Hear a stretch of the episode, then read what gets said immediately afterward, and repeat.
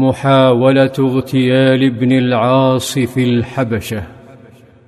يبدو أن أحد الوثنيين من رفاق عمرو بن العاص كان يراقبه أو رآه وهو يصافح جعفرا ويناجيه بطريقة تتحاشى العيون.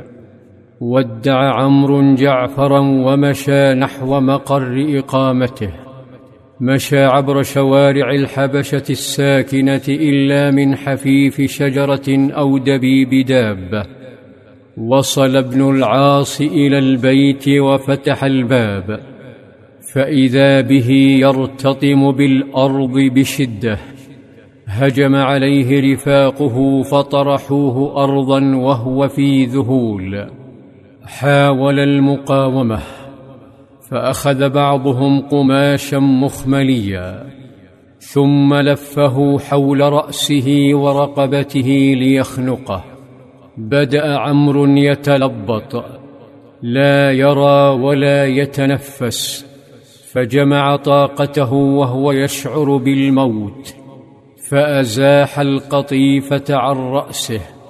فحاولوا خنقه مرارا وهو يتلوى بينهم ويقاوم حتى تعرى تماما وهو يصارعهم ثم تمكن من التخلص من قبضتهم والفرار من الدار ظل يركض ويركض عاريا في الشوارع.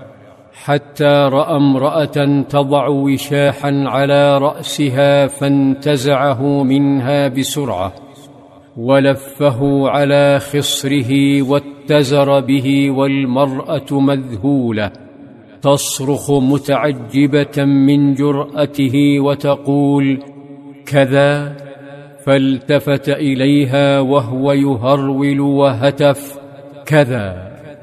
ظل عمرو يركض ويتلفت وأنفاسه تعلو ودقات قلبه تزداد خشية أن يدركه أصحابه ولم تتوقف قدماه إلا عند باب جعفر بن أبي طالب توقف يلتقط أنفاسه وبقايا حياته ثم طرق الباب فخرج جعفر وحدق بعمر مستغربا هيئته ولباسه وشعره وتقطع أنفاسه فقال ما شأنك؟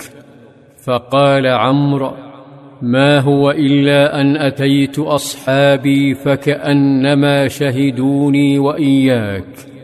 فما سألوني عن شيء حتى طرحوا على وجهي قطيفة غموني بها وذهبوا بكل شيء من الدنيا حولي.